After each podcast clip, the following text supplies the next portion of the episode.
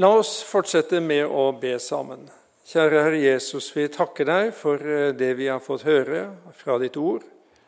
Og vi ber om at du ved Din Hellige Ånd må åpenbare ordet for oss, så vi kan ta det med oss i våre hjerter og leve det ut i vårt liv. Amen. Det vi skal få høre litt om, det er å være frelst av nåde til gode gjerninger. Og frelsen er knyttet til den ene, til Jesus. Og så er det vårt kall som tror på Han, å få dele Jesus med andre. Av nåde er dere frelst, eh, hørte vi i teksten. Hva betyr det å være frelst? Ja, De siste årene så har nok dette ordet fått en eh, utvidet bruk. Nå er det noen som er fotballfrelst, og så er det andre som kan være bilfrelst, og jeg vet ikke hva. Og da skjønner vi at eh, her eh, gjelder det å være opptatt av noe spesielt.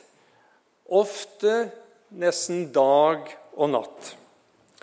Selve ordet 'frelst' det kommer av det gammelnorske ordet 'frihalset'. Og det er vel ikke eh, med i din og min eh, dagligtale. Frihalset, det handlet om at eh, en slave ble satt fri.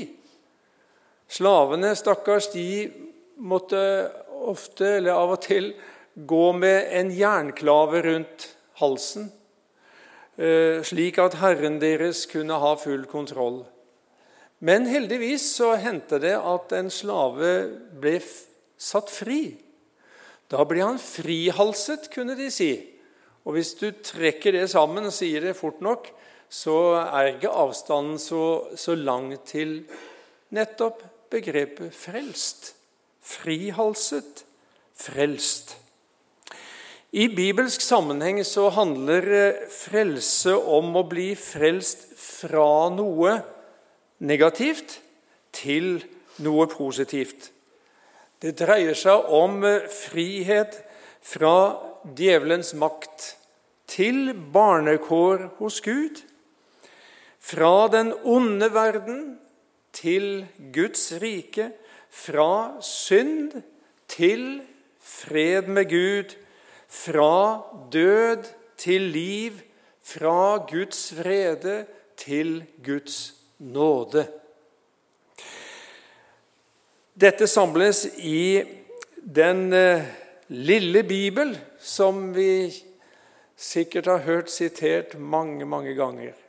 Men du verden, så innholdsrik den er. Johannes 3, 16.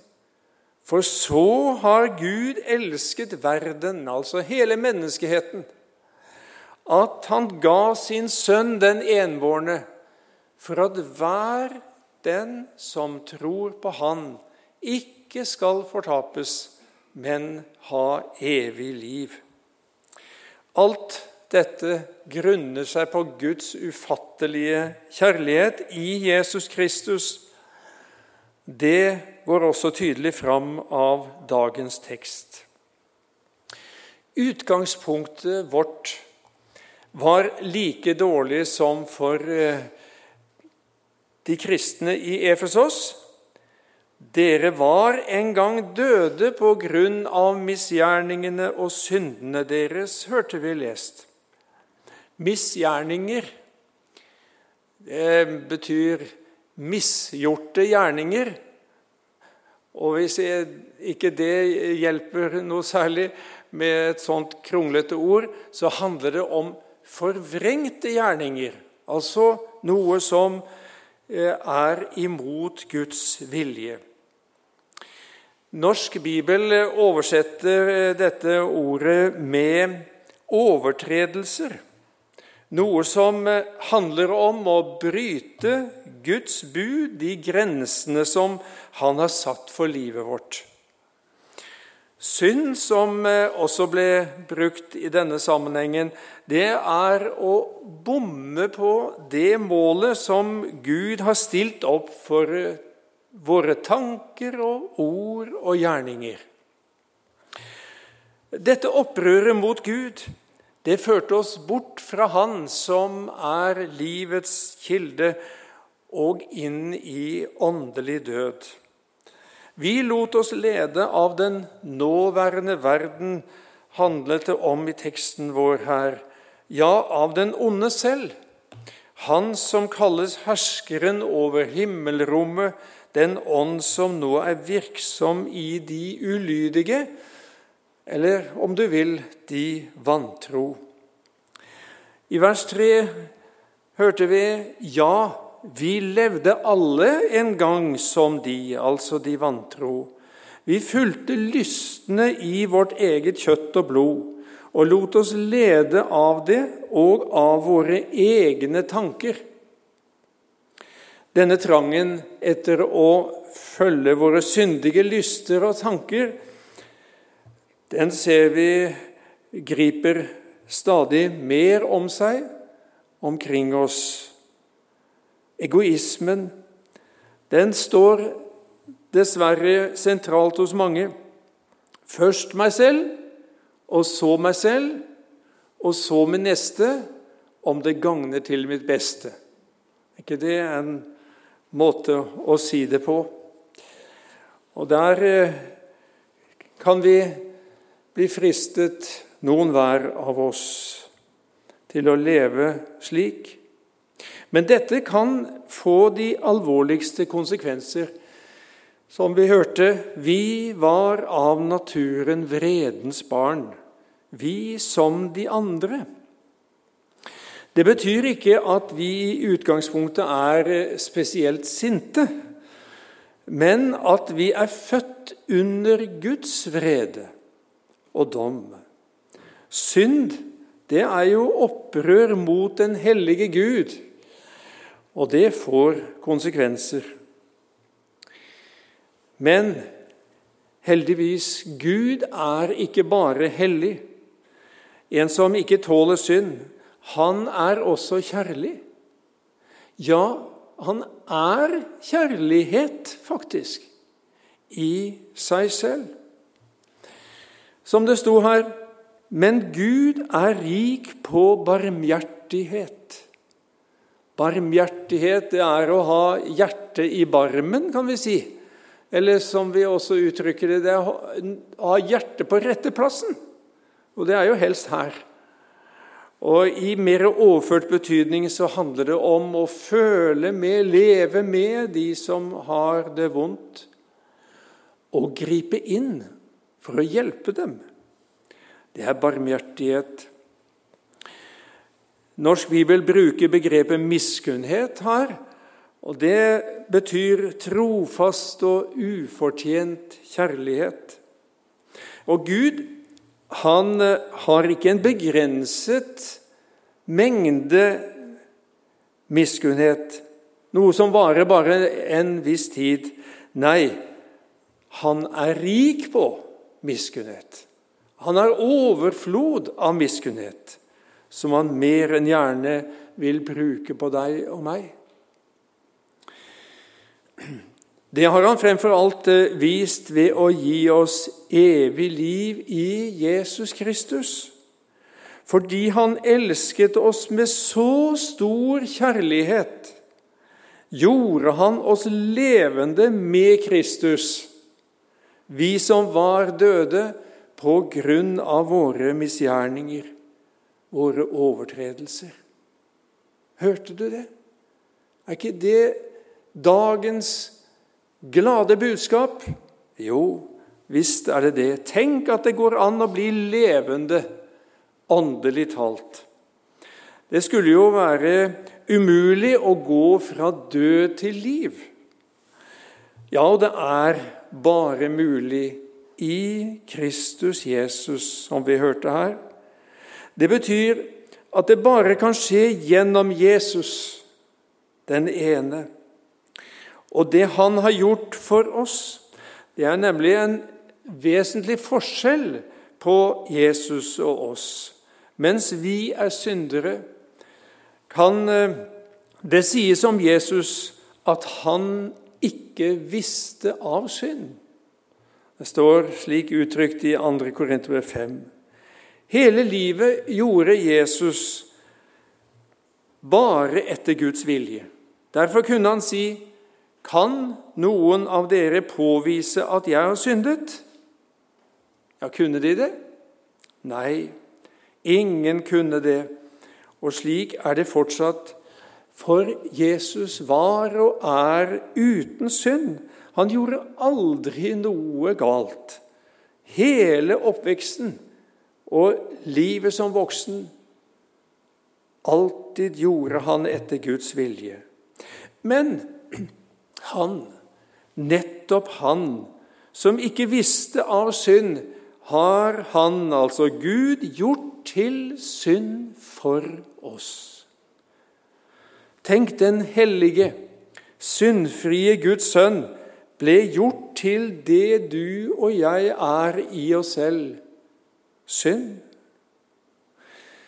Martin Luther han tenker seg hva Gud sa til sin sønn da han eh, la alle syndene våre på ham.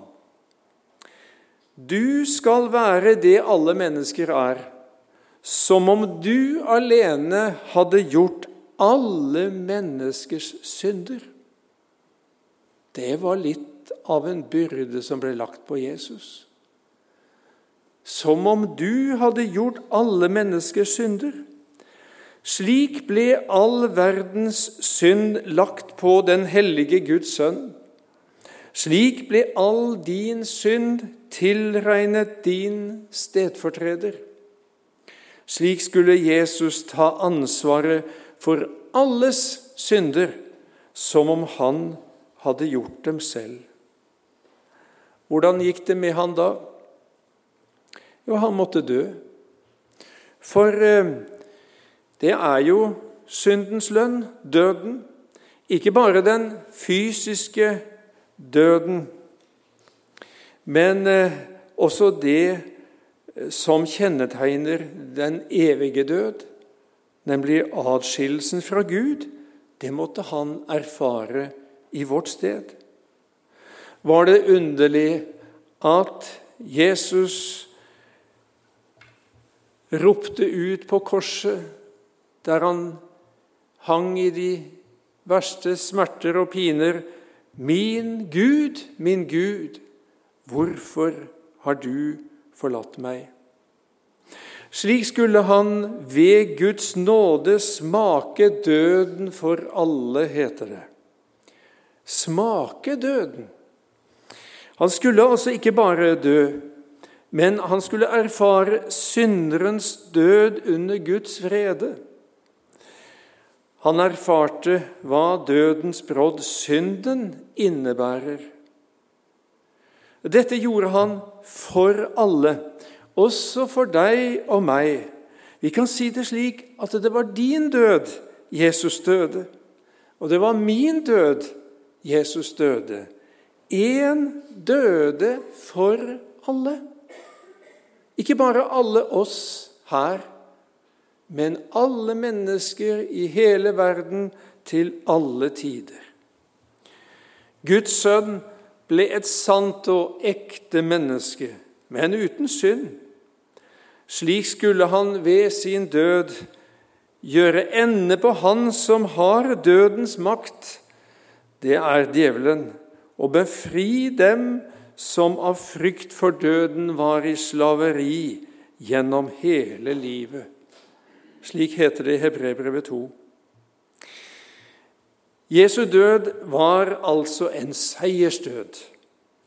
For når Jesus hadde smakt døden på grunn av våre synder, kunne ikke Gud kreve noe mer av han. For den som er død, kan ikke lenger stilles til ansvar for ugjerninger. Men da var veien åpen for at Gud kunne behandle Jesus etter det han var og er i seg selv, et fullkomment og syndefritt menneske. Derfor kunne ikke Jesus bli værende i graven. Han måtte simpelthen stå opp igjen. Gud reiste ham opp og løste ham fra dødens rier. Riene, de har jo flere her erfart kreftene i. De setter jo i gang en fødsel. Men dødens rier, de binder et menneske til døden. Men Jesus, siden han var fullkommen i seg sjøl, så kunne ikke dødens rier holde ham fast. De måtte gi slipp på han, og han måtte stå opp fra de døde. Døden var ikke sterk nok til å holde ham fast, vitner Peter. Men siden Jesus gikk inn i døden som vår stedfortreder, gikk han også ut av døden i vårt sted. Og Det betyr at han banet veien til livet, vi kan si med stor L, for oss som egentlig fortjente døden. Slik ble Jesus dødens overmann i vårt sted. Også her gjelder det én for alle. Jesus uttrykker det slik.: Sannelig, sannelig, sier jeg dere, den som hører mitt ord og tror på Ham som har sendt meg, har evig liv og kommer ikke for dommen, men har gått over fra døden til livet. Slik er dommen og døden noe tilbakelagt for den som har Jesus. I stedet skal du få leve det nye livet allerede her mens du lever på jorden. For det som gjelder Jesus, det gjelder den som tror på Han. Er det rart at Paulus legger til 'av nåde er dere frelst'? Av nåde er vi frelst. Nei, det er det sterkeste uttrykk for Guds nåde, Hans ufortjente kjærlighet og godhet. For ingen av oss har fortjent dette, har vi vel? Det bibelske begrepet for frelse, som ofte blir brukt, betyr egentlig å gjøre hel. Derfor så oversettes det iblant med 'å helbrede'. Og det er nettopp det som skjer når vi tror på Jesus. Forholdet til Gud blir gjort helt igjen. Ja, vi blir behandlet som om vi var Jesus selv. Så sterkt kan vi si det. I vers 6 og 7 i teksten vår heter det i Kristus Jesus har han reist oss opp fra døden sammen med ham og satt oss i himmelen med ham. Slik ville han i de kommende tider vise hvor overstrømmende rik han er på nåde, og hvor god han er mot oss i Kristus Jesus. Tenk at vi allerede har stått opp fra de døde, og at vi allerede har kommet til himmelen. Ja, nå kan det jo høres ut som jeg tøyser litt, for eh, jeg ser jo dere er her ennå. Men i Kristus Jesus så er dette et faktum. Tenk på det. Takk for det. Gled deg over det. Nå gjelder det bare at vi blir værende i ham, slik at han i de kommende tider får vise hvor overstrømmende rik han er på nåde, og hvor god han er mot oss i Kristus Jesus. Men allerede nå kan jeg vitne om Guds uendelige godhet. Bare hør dette sangverset Å, hvor usigelig god Herren er. God imot alle, mot meg dog især. Aldri han ennå av meg er blitt trett. Bare jeg kunne nå kunne takke ham rett inntil i dag til i dag. Herren er nådig, ja, det har jeg sett, inntil i dag til i dag. For av nåde er dere frelst ved tro. Herren er nådig, ja, det har jeg sett, det kan jeg vitne, og det kan ethvert Guds barn få vitne frimodig. Vi snakker ofte om Guds nåde. Men eh, hva betyr det? Ja, det betyr veldig mye, for det rommer så stor rikdom. Det hebraiske ordet det dreier seg om eh, miskunnhet og velvilje fra en overordnet. En konge, f.eks., for eksempel, i forhold til sine tjenere. Eller Gud i forhold til sitt folk. Slik bruker eh, Guds ord det når det gjelder Guds forhold til Moses. Bare hør. Også dette som du ber om, vil jeg gjøre, for du har funnet nåde for mine øyne, og jeg kjenner deg ved navn. Og noe tilsvarende handler det greske ordet om, som blir brukt i Det nye testamentet. Vi møter det f.eks. da engelen Gabriel kom til Maria. Så sa han, 'Frykt ikke, Maria, for du har funnet nåde hos Gud.' Er det ikke fint? Nåde hos Gud. Men, men for oss, da? Hvor finnes nåden? Jo, nåden er åpenbart i Jesus Kristus. Slik heter det i Titus 2.: For Guds nåde er blitt åpenbart til frelse for alle mennesker. Guds nåde grunner seg på Hans åpenbaring. Guds nåde er blitt åpenbart. Det er noe Han har tatt initiativet til. Og det er noe som blir presentert fullt ferdig. Åpenbare, avdekke, avduke betyr det. Har du vært vitne til en avduking en gang? Det skulle kanskje være et kunstverk eller noe slikt. Ja, det skjer jo iblant. Men eh, hvis du har vært vitne til det, hvordan var det med det kunstverket som ble avduket? Var det halvferdig? Nei. Nei, selvsagt så var det ferdig, ellers så hadde det blitt utsatt. Og Det kan vi i hvert fall si når det gjelder det Gud har åpenbart for oss i Kristus. Det som handler om Hans nåde, det er fullt ferdig. Det mangler ingenting.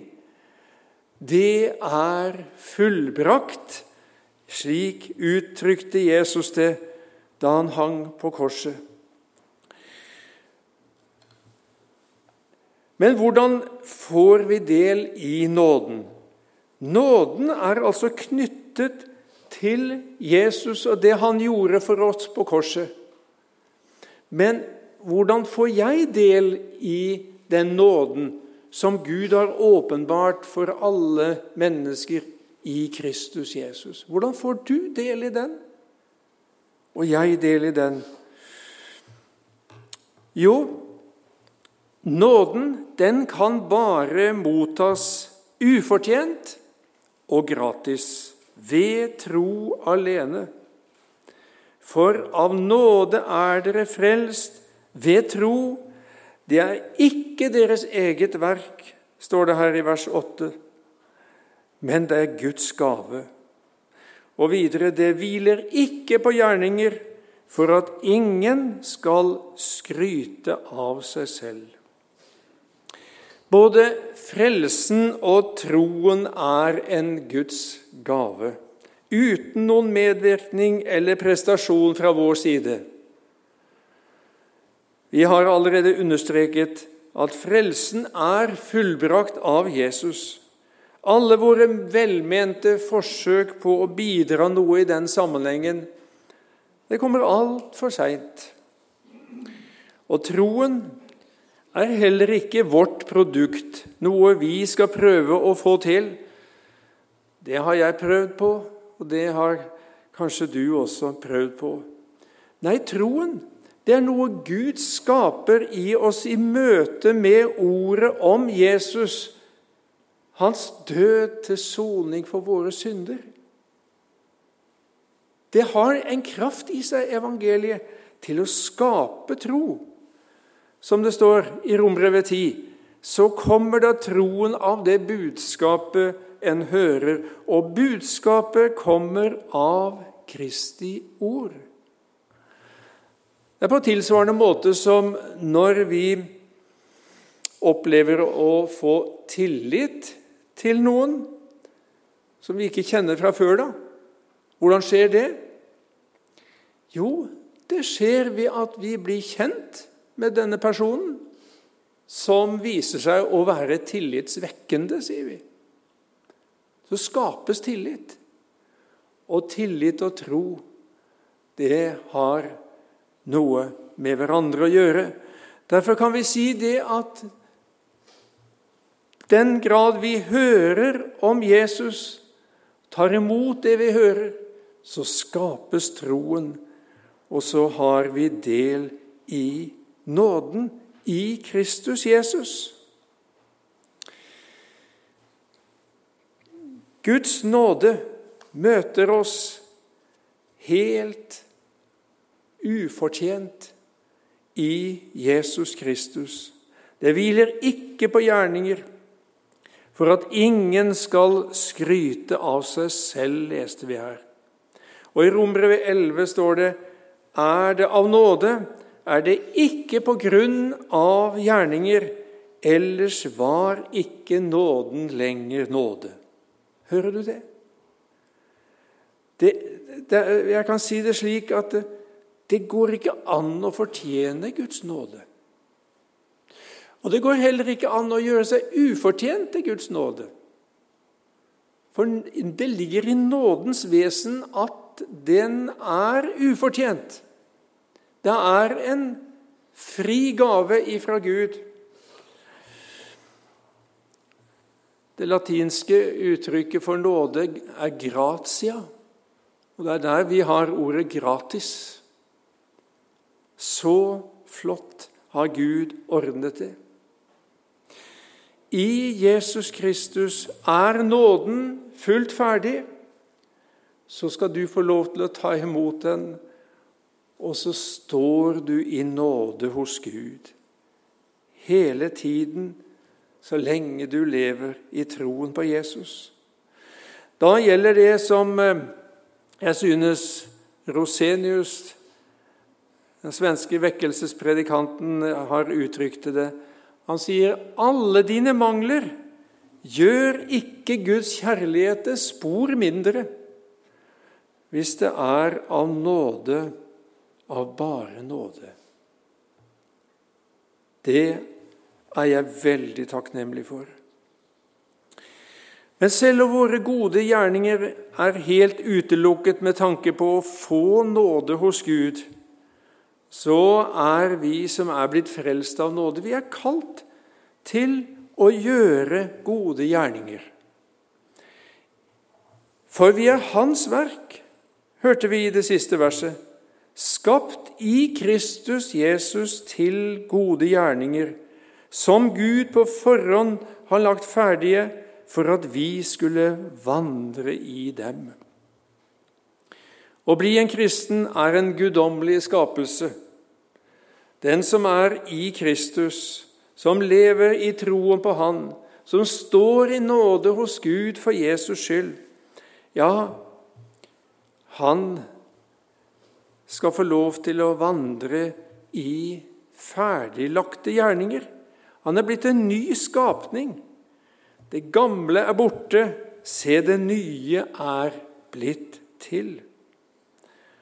Og hva er da mer rimelig enn at vi lever det nye livet vi har fått i Jesus for ham som er livet? Han var den ene som ga seg selv for oss alle. Nå skal vi, alle som tror på Jesus, gi oss i tjeneste for Han. Det skal du få lov til å ta med deg for Guds, nei, for Kristi kjærlighet tvinger oss. Vi vet at én er død for alle. Derfor er de alle døde.